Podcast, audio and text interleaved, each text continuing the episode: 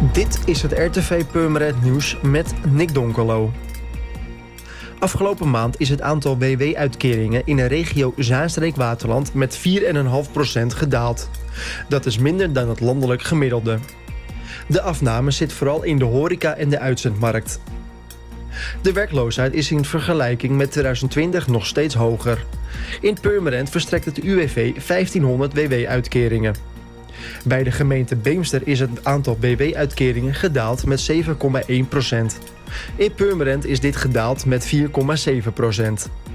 Het aantal WW-uitkeringen ligt nog steeds hoger dan een jaar geleden. In verband met werkzaamheden is de jaagweg tussen de Gorslaan en de Rozenstraat vanaf donderdagavond 27 mei 1 minuut voor 12 tot en met zondagmiddag 30 mei 5 uur afgesloten voor het autoverkeer. Het verkeer kan omrijden via de Gorslaan.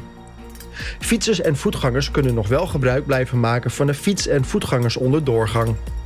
Er wordt gewerkt aan een spoorwegondergang bij de Jaagweg, waardoor de Jaagweg komend weekend is afgesloten. Lijnbussen en hulpdiensten hebben wel toegang tot de doorgang. Borden op de locatie geven de omleiding aan.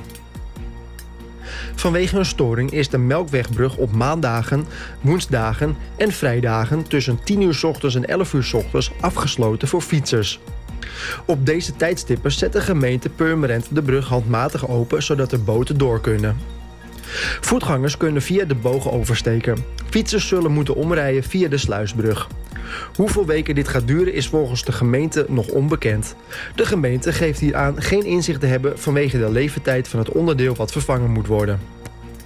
Voor meer nieuws, kijk of luister natuurlijk naar RTV Purmerend, volg je onze socials of ga je naar onze website. Dat is natuurlijk www.rtvpurmerend.nl